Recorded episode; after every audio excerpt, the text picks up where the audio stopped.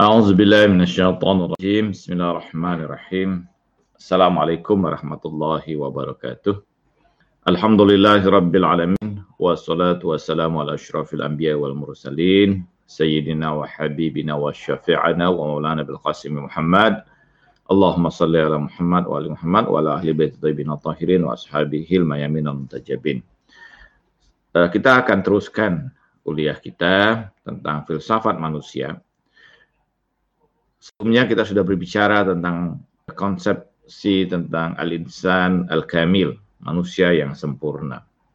Dan bagaimana dalam terminologi tasawuf atau irfan, konsep tentang al-insan kamil itu menempati posisi yang sangat luar biasa. Karena manusia-manusia yang sempurna ini atau mencapai derajat kesempurnaan itu merupakan realitas penghubung antara alam spiritual dengan alam material.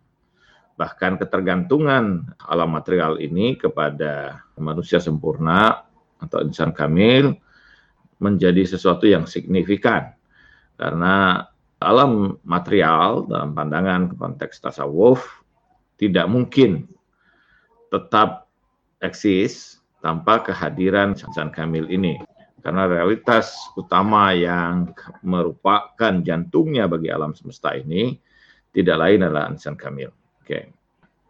Kita lanjutkan kuliah kita tentang filsafat manusia terkait dengan secara zohir kita melihat bahwa manusia tentu termanifestasikan dalam dua forma zohir, forma fisik yaitu laki-laki dan perempuan.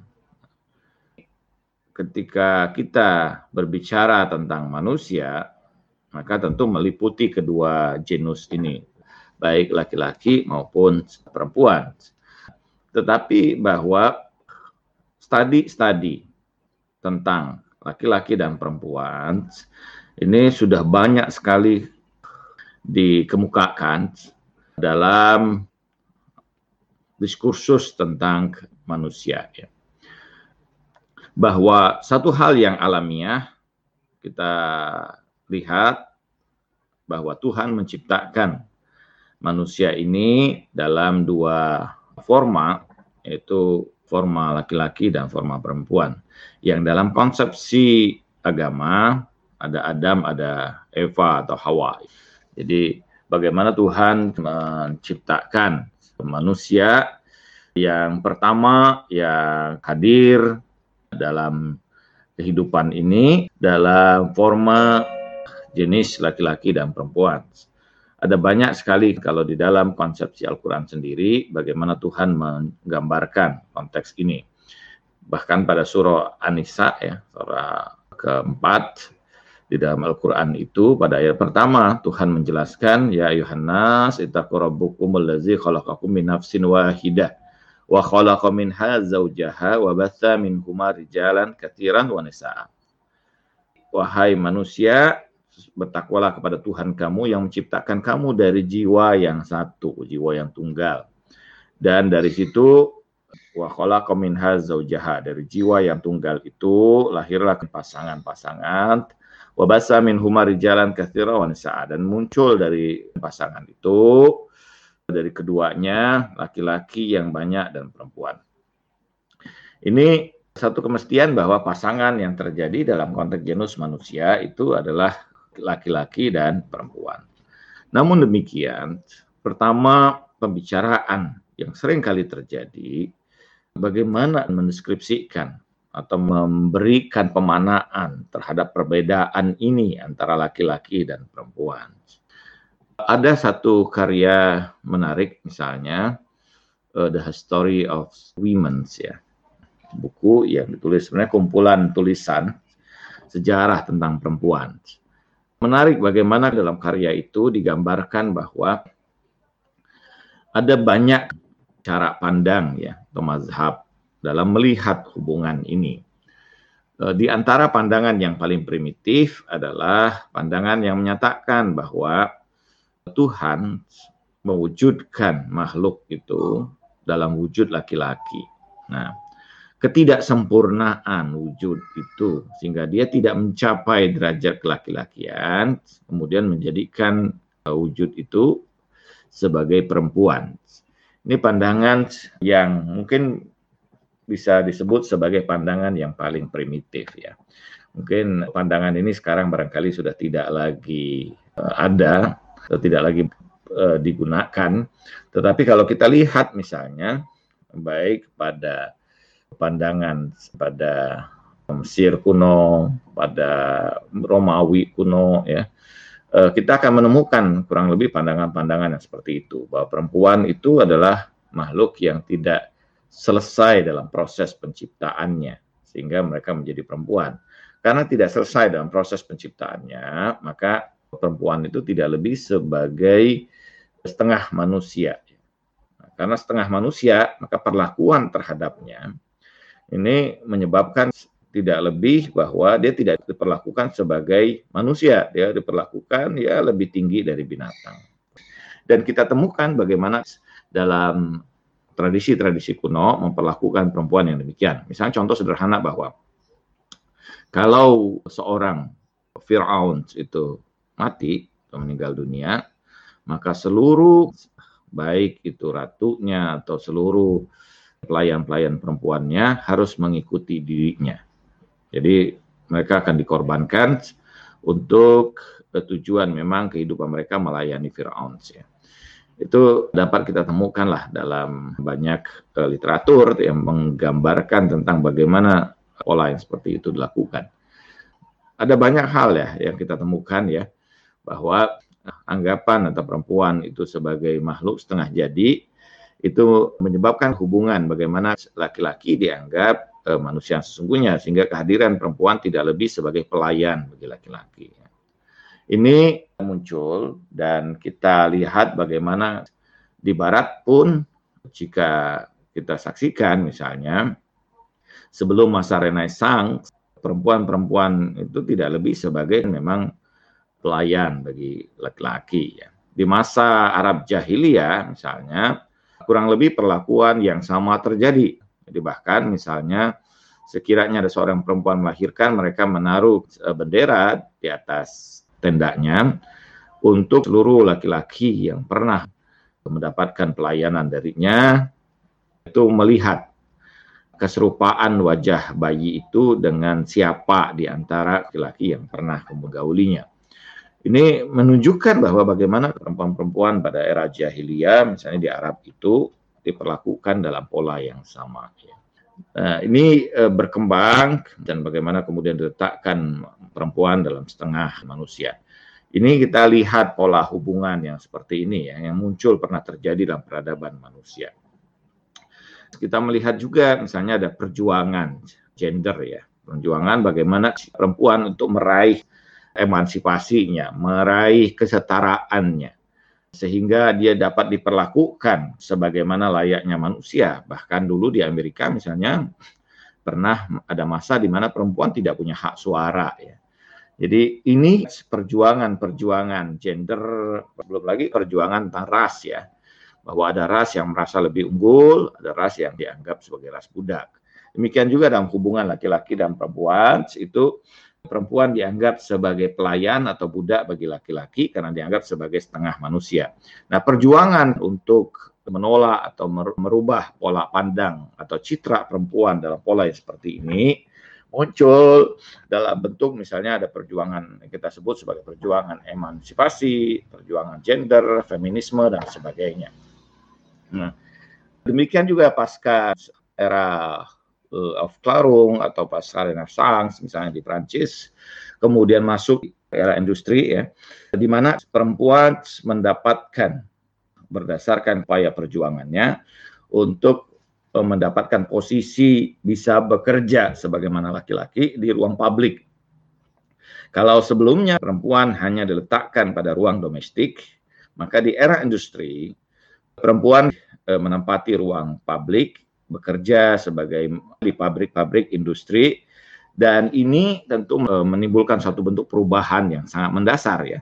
Bahwa tadinya perempuan yang hanya berada di ruang domestik di rumahnya dan sebagainya kemudian keluar untuk bekerja dalam ruang publik di area industri ya di pabrik-pabrik dan sebagainya sehingga menimbulkan tentu gejolak sosial yang terjadi pertama tentu saja bahwa dalam konteks ini perempuan merasa dirinya punya kesempatan yang sama pada laki-laki dan dia bahkan kemudian bekerja atau mendapatkan pekerjaan yang sama yang dikerjakan oleh laki-laki di pabrik dan sebagainya yang kedua, tentu ini mengurangi kesempatan atau ruang bagi laki-laki dalam posisi kerja, sehingga menimbulkan problem pada hubungan laki-laki dan perempuan. Yang ketiga, tentu saja bahwa bagaimana industrialisasi lebih cenderung untuk memperkerjakan perempuan, karena perempuan dianggap lebih taat, perempuan dianggap tidak mudah melakukan Eh, demonstrasi dan sebagainya, lebih mudah menerima, lebih baik dalam bekerja dan lebih rapi tentu saja dalam proses bekerja. Anggapan-anggapan yang seperti ini menyebabkan bagaimana perempuan masuk dalam ruang publik mendominasi pekerjaan-pekerjaan yang selama ini dikerjakan laki-laki. Ini tentu efek dari sebuah proses perjuangan gender atau feminisme yang menyebabkan meletakkan hubungan laki-laki dan perempuan sebagai hubungan persaingan. Dan ini Anda bisa baca pada The Story of Women, bagaimana kemudian hubungan antara laki-laki dan perempuan ini, dia dalam hubungan kesetaraan yang menimbulkan persaingan di antaranya. Jadi perempuan dapat meninggalkan pekerjaan domestiknya dan dia menempatkan pada pekerjaan-pekerjaan yang selama ini dikuasai sektor yang dikuasai oleh laki-laki dan laki-laki bahkan ada banyak laki-laki yang harus mengerjakan pekerjaan domestik yang selama ini dikerjakan oleh perempuan. Jadi hubungan yang terjadi ya muncul ke permukaan adalah hubungan persaingan di antara dua genus ini antara laki-laki dan perempuan. Ada upaya yang tentu berbeda bahwa pola yang terjadi mungkin ini muncul karena penindasan yang sekian lama terhadap perempuan sehingga menyebabkan tentu penolakan terhadap penindasan itu dan upaya untuk menghilangkan penindasan tersebut sehingga menyebabkan munculnya perempuan pada posisi yang setara ya dengan laki-laki. Nah, kita melihat bahwa konsepsi-konsepsi keluarga itu mulai berubah dalam konteks ini, konsepsi kemasyarakatan juga mengalami perubahan, bahkan dalam konsep konsepsi sosial, konsepsi psikologis, konsepsi politik dan sebagainya mengalami perubahan yang sangat mendasar ya. Dulu tentu saja bahwa di dalam dunia politik itu hampir perempuan tidak pernah didengarkan suaranya. Tapi perubahan yang terjadi tersebut menyebabkan perempuan bahkan bisa masuk pada area politik. Kemudian perempuan juga ini salah satu di antara alasan yang muncul kenapa pabrik atau industri lebih suka mempekerjakan perempuan, perempuan lebih menerima digaji lebih rendah daripada laki-laki dan juga perempuan lebih mudah untuk digantikan ya karena mereka punya siklus kehamilan dan sebagainya sehingga bisa dikeluarkan dan bisa digantikan dengan pekerja yang lain. Di samping tentu saja ini menimbulkan problematis baru hubungan persaingan, kemudian eksploitasi seksual dan sebagainya. Nah, yang kedua bahwa pola perkembangan berikutnya eh, bukan hanya perempuan sebagai pesaing bagi laki-laki, perempuan juga bisa jadi sebagai mitra ya. Jadi hubungan laki-laki dan perempuan pada konteks yang lebih modern itu dalam hubungan yang sama dalam kemitraan bahwa keduanya punya kesetaraan, keduanya punya kemampuan yang sama, keduanya dapat melakukan hal yang sama, dan kesempatan yang sama bahkan bisa saja perempuan itu melebihi kecerdasan laki-laki dan sebagainya bahkan lebih terampil dari laki-laki dan sebagainya.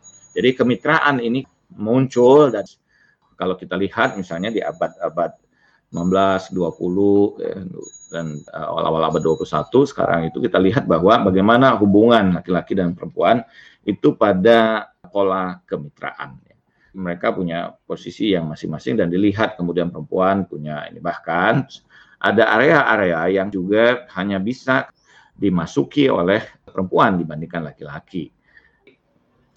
Betapa banyak merek-merek dagang itu dikemas dalam iklan-iklan perempuan ya dibandingkan iklan laki-laki.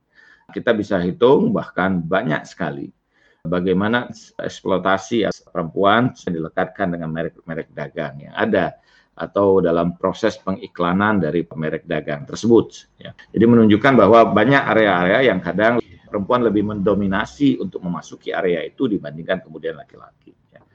Dan bahkan dalam sejarah kekuasaan juga di abad-abad modern ini kita melihat bahwa beberapa pemimpin negara itu perempuan dan bahkan perempuan-perempuan yang kadang bisa digelari sebagai perempuan bertangan besi. Seperti kita pernah mengenal nama Margaret Thatcher yang dianggap sebagai perempuan bertangan besi dan bagaimana dia memerang dalam perang Malvinas ya. Bagaimana Inggris itu perang luar biasa dengan Argentina ya pada perang Malvinas kita melihat bahwa ada sosok-sosok perempuan yang tangguh yang luar biasa bahkan sekarang misalnya Perdana Menteri Jerman ya juga perempuan dan banyak lagi tokoh-tokoh perempuan yang sampai pada puncak kekuasaan dan bahkan mereka melebihi laki-laki dalam otoritariannya.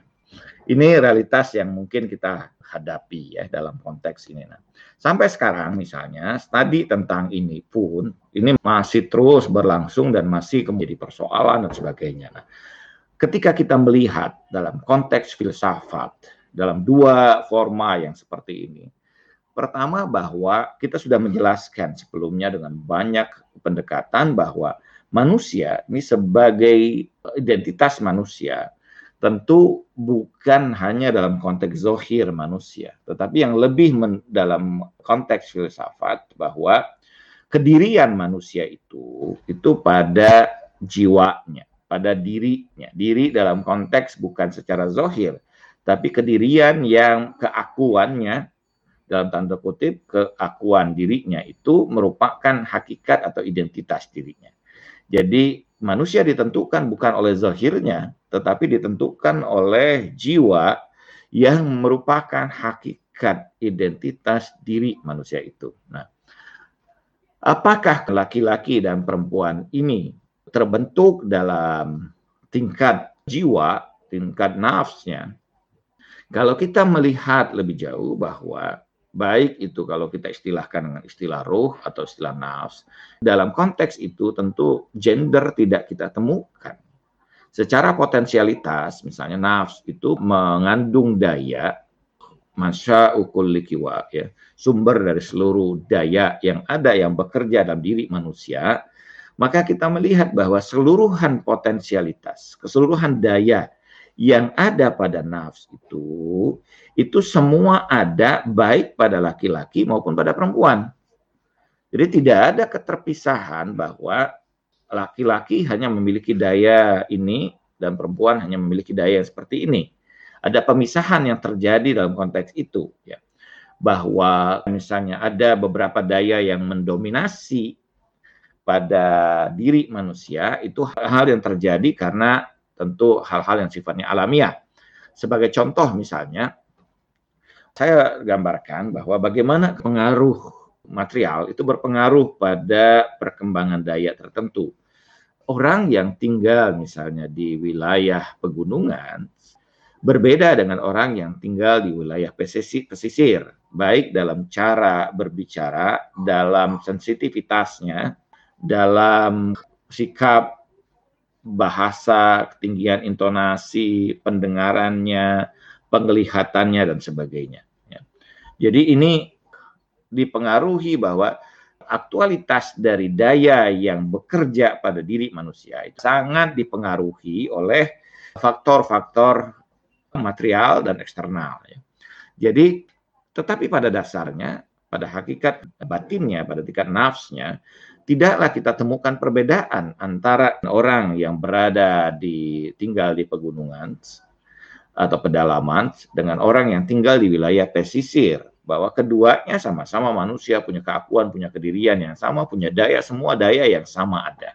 Demikian juga ketika kita dalam berbicara tentang realitas antara laki-laki dan perempuan, secara potensialitas, daya-daya yang bekerja dalam diri manusia ini dalam forma laki-laki atau forma perempuan itu tidak ada perbedaan satupun bahwa mereka sama-sama punya daya zohir, daya indrawi, misalnya hasasiah, ada daya reproduktif, daya emosional, kuatul ghadabiyah, kuatul syaukiyah, misalnya daya mengingat, daya berpikir, daya imajinatif dan sebagainya. Seluruh daya itu daya nutritif, seluruh daya itu semua memiliki hal yang sama. Menunjukkan pada kita bahwa pada tingkat nafs ini tidak ada perbedaan formal laki-laki dan perempuan. Jadi laki-laki, formal laki-laki dan perempuan itu ditentukan berdasarkan fisik yang ada pada diri manusia perkembangan fisik ini tentu sangat bergantung dalam penelitian kemudian sains modern kita menemukan bahwa bukanlah perempuan itu makhluk setengah jadi tetapi ini karena kromosom yang menyebabkan ada kromosom X, ada kromosom Y, ada XY, XX, YY dan sebagainya ya dalam konteks pembicaraan genetik, biologi kita bisa berbicara dalam konteks itu. Memang kromosomnya itu ada kromosom yang genital, ada yang feminal ya, ada yang maskulin, ada yang feminim. Ini menunjukkan pada kita bahwa pada konteks kromosom yang material itulah dia membentuk struktur diri manusia. Yang struktur diri manusia ini karena forma yang berbeda antara struktur laki-laki dan struktur perempuan menyebabkan perbedaan organ-organ tubuh tertentu pada diri manusia diakibatkan oleh kromosom yang secara spesifik mengembangkan diri manusia secara biologis atau material, secara physically. Jadi perbedaan itu terjadi pada tingkat fisik manusia, pada tingkat jasadi manusia, pada tingkat jismi manusia, jismun manusia. Jadi bukan pada tingkat kualitas kejiwaannya, nafsnya, tapi pada tingkat jismunnya. Bahwa apa yang ada pada fisik ini mempengaruhi daya-daya tertentu untuk lebih dominan bekerja, itu sebagaimana tadi sudah saya sampaikan bahwa faktor-faktor tertentu bisa menyebabkan daya tertentu lebih mendominasi dalam proses aktualitasnya, dalam proses bekerjanya. Karena fisik ini adalah fisik laki-laki yang mungkin lebih kuat strukturnya, mungkin lebih berbeda dalam apa pola yang bentuk struktur tubuh dan sebagainya mempengaruhi tentu daya-daya yang lebih misalnya kodobiahnya atau daya emosional mungkin daya karakteristik misalnya karakteristik keperkasaannya misalnya jalaliyahnya lebih mendominasi sementara mungkin karena struktur perempuan tubuh perempuan yang lebih uh, lembut lebih latif maka menyebabkan daya yang bekerja lebih uh, daya yang muncul dari nafsu itu yang mendominasi tentu daya-daya yang terkait dengan hal-hal yang seperti itu, syaukia, daya emosional atau daya mungkin kelembutannya dan reproduktif karena pola reproduktif yang berbeda menyebabkan daya reproduktif yang juga mengalami perbedaan muncul dan sebagainya. Tetapi dari konteks asasnya ini tidak berbeda baik laki-laki dan perempuan karena itu di dalam konsepsi Al-Qur'an Al-Quran menyebutkan bahwa ini minafsin wahidah dari ketunggalan jiwa yang satu. Nah, kalau dalam konteks yang seperti ini kita menemukan sebuah konsepsi baru lagi ya dalam pola yang kalau kita lihat dalam pola seperti ini. Karena itu bahwa sekali lagi saya ingin mengatakan bahwa struktur diri manusia forma eh, laki-laki, kelaki-lakian dan keperempuanan, maskulinitas dan femininitas itu lebih ditentukan oleh kondisi fisik atau struktur fisik yang muncul pada diri manusia. Jadi bukan karena nafsnya, bukan karena jiwanya. Jadi saya ingin membantah pandangan yang menyatakan bahwa ada orang yang jiwanya perempuan yang terperangkap pada tubuh laki-laki. Ini suatu kekeliruan bahwa ada kecenderungan yang menyimpang dari konteks yang normal itu hal yang alamiah ter bisa terjadi. Ada laki-laki yang justru kecenderungan hormonal pada perempuanannya lebih dominan menyebabkan femininitas mendominasi walaupun forma fisiknya adalah laki-laki. Ya karena pengaruh hormonalitas karena pengaruh struktur biologis yang ada pada dirinya. Jadi bukan karena keadaan nafsnya. Jadi keliru ketika menyatakan bahwa pada konteks misalnya mohon maaf misalnya pada kita mengatakan pada konteks waria adalah jiwa perempuan yang terperangkap pada diri laki-laki itu menurut saya satu kekeliruan karena jiwa itu tidak berjenis kelamin ya bahwa jiwa tidaklah berjenis kelamin bahwa jenis kelamin itu ditentukan oleh struktur fisik manusia ini masing-masing. Nah, kita menemukan sebuah pola yang lain yaitu pola ketunggalan dalam konteks ini atau konsepsi ketunggalan. Jadi bukan konsepsi persaingan, bukan konsepsi dominasi ya antara laki-laki dan perempuan. Laki-laki sebagai manusia yang sempurna, sementara perempuan manusia yang tidak sempurna ya kejadiannya. Kita tentu menolak ini atau ada pandangan bahwa ini masing-masing punya kemampuan untuk bersaing ya. Pola persaingan di antara emansipasi laki-laki dan perempuan atau baik kemitraan ya ada pola konsep paradigma yang ketiga dalam konteks ini menurut saya bahwa dalam konteks filsafat Islam paradigma ketiga inilah yang lebih layak, lebih tepat bahwa bahwa pola ketunggalan. Apa maksudnya? Pertama bahwa diri manusia itu tunggal satu, ya. jiwa manusia tunggal. Jadi tidak ada perbedaan laki-laki dan perempuan secara hakikat dirinya. Yang kedua bahwa kita sudah jelaskan dalam filsafat hakikat diri keakuan manusia itu bukan karena fisiknya tetapi karena jiwa atau diri akunya dalam batinnya. Jadi karena itu tidak mengenal laki-laki dan perempuan bahwa jiwa manusia pada konsepsinya adalah tunggal semata. Siapa pun punya potensialitas yang sama, baik laki-laki dan perempuan, siapa pun punya daya yang sama dan punya kesempatan yang tidak ada bedanya. Gitu. Bahwa ada konteks-konteks tertentu, misalnya karena terkait dengan struktur fisik, iya. Gitu. Misalnya contoh karena faktor fisik ya tentu saja misalnya yang perempuan hamil dan itu tidak terjadi pada laki-laki ya. Atau misalnya Tuhan misalnya dalam agama menyebutkan bahwa nabi misalnya laki-laki ya. Tetapi tidak uh, ada nabi pada perempuan. Dalam konteks tentu nah, kenabian rasul bukan dalam konteks tingkat kualitas dirinya. Tapi itu lebih karena tugas ya. Kenapa? Karena secara batinnya tingkat derajat ketinggian hakikat manusia tidak bergantung pada konteks ini pada atribut ini, tapi pada kualitasnya. Karena itu misalnya di dalam Al-Quran Tuhan memperkenalkan perempuan-perempuan yang luar biasa. Allah astafaki wa taharaki wa astafaki ala nisa'il alamin. Kami mensucikan engkau, membersihkan kamu, dan memilihmu atas seluruh perempuan di alam semesta ini kepada Sayyidah Maryam. Dan ini harus menunjukkan bahwa bahkan Sayyidah Maryam itu kualitasnya melebihi dari banyak manusia ya, laki-laki maupun perempuan Bahkan bisa jadi bahwa uh, Sayyidah Maryam kualitasnya melebihi dari nabi-nabi Bani Israel bahwa kontak langsung antara Sayyidah Maryam dengan malaikat Jibril mengindikasikan bahwa posisi ketinggian dirinya yang uh, luar biasa derajatnya ya. Nah, demikian juga perempuan-perempuan yang diperkenalkan seperti Sayyidah Fatimah alaihissalam dan sebagainya ya. Ini memperkenalkan kepada kita bahwa Asia binti Mazahim dan sebagainya ya. Jadi dalam sejarah panjang perjalanan manusia itu dalam struktur ini semua sampai derajat pada hakikat yang sama. Jadi karena itu ada pekerjaan-pekerjaan tertentu misalnya yang mungkin lebih layak untuk perempuan dan ada pekerjaan-pekerjaan tertentu yang lebih layak untuk laki-laki didasarkan bukan pada konteks kualitas dirinya lebih karena apa? Karena struktur fisiknya.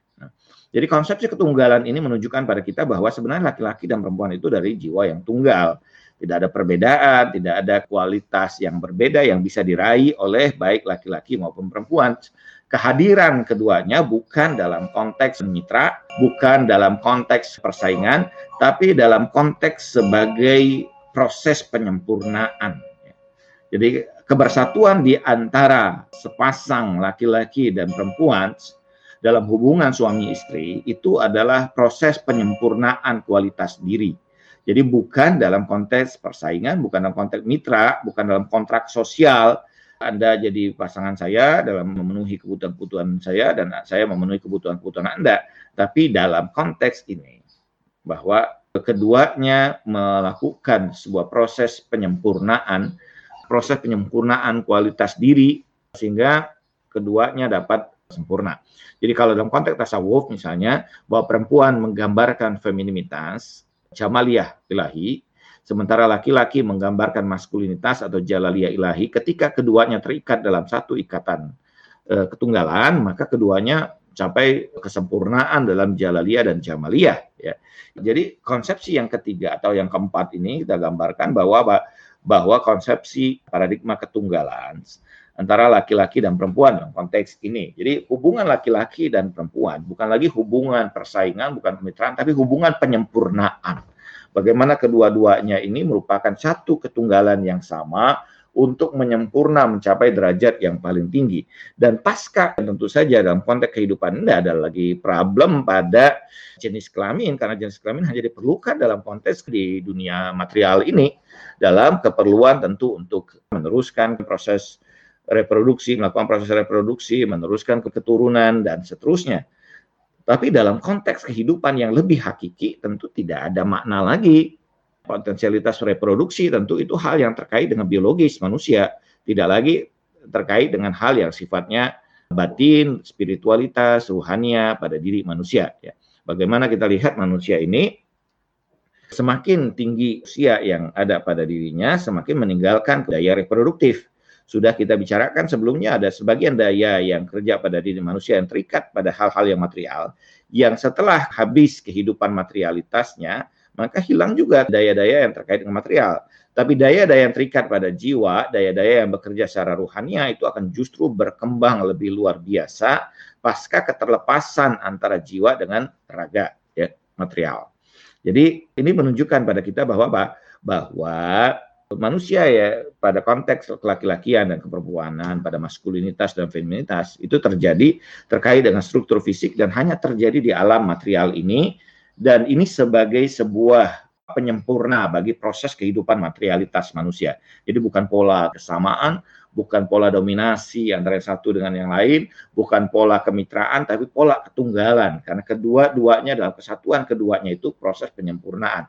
Masing-masing punya ruang yang memang harus dipenuhi atau ruang yang memang hanya pada perempuan yang hanya bisa berada pada ruang tersebut, demikian juga bahwa laki-laki memiliki ruang yang memang hanya laki-laki yang bisa berada di ruang itu.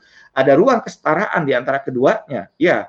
Jadi kita melihat ada ruang yang memang hanya posisi laki-laki berada pada konteks itu, ada ruang yang hanya pada posisi perempuan pada konteks itu, tapi ada ruang kebersamaan di antara keduanya. Jadi kehadiran keduanya dalam wujud ketunggalan proses penyempurnaan hakikat kemanusiaan manusia untuk sampai pada derajat yang tertinggi. Jadi ini pada paradigma pandangan ketunggalan. Jadi kalau kita lihat dalam konteks filsafat Islam terutama, dalam konteks filsafat Islam, dalam konteks tasawuf, maka hubungan atau realitas antara forma laki-laki dan forma perempuan itu bukanlah dualitas, tapi keduanya dalam satu ketunggalan yang sama yang ketika kesatuan itu terjadi di antara keduanya, maka proses penyempurnaan, kesempurnaan, kebersatuan antara maskulinitas dan feminitas itu justru dari simbol kesempurnaan yang hakiki.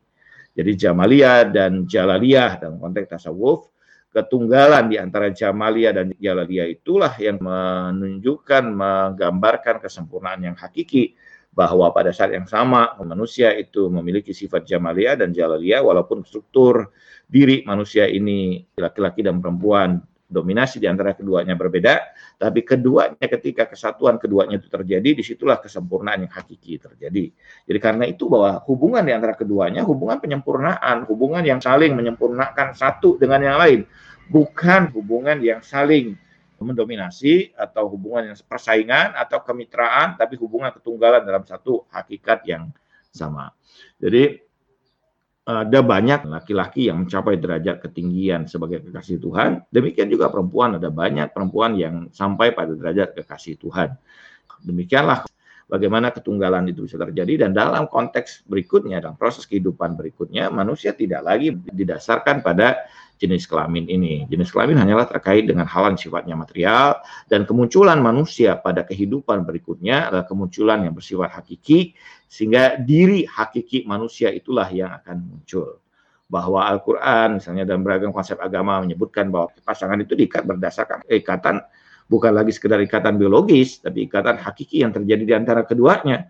Ketika ikatan hakiki itu tidak terjadi hanya karena semata ikatan biologis, maka bukan berarti bahwa mereka akan menjadi pasangan pada proses kehidupan berikutnya. Tapi keikatan hakiki yang terjadi di antara keduanya itulah yang akan mengikat sebagai sebuah hakikatan ikatan yang tidak akan pernah terpisah di antara keduanya dalam proses kehidupan berikutnya karena sama-sama dalam proses penyempurnaan yang satu, penyempurnaan yang hakiki. Ini yang mungkin kita bicarakan dalam konteks ini terkait dalam konsepsi manusia dan hubungan laki-laki dan perempuan.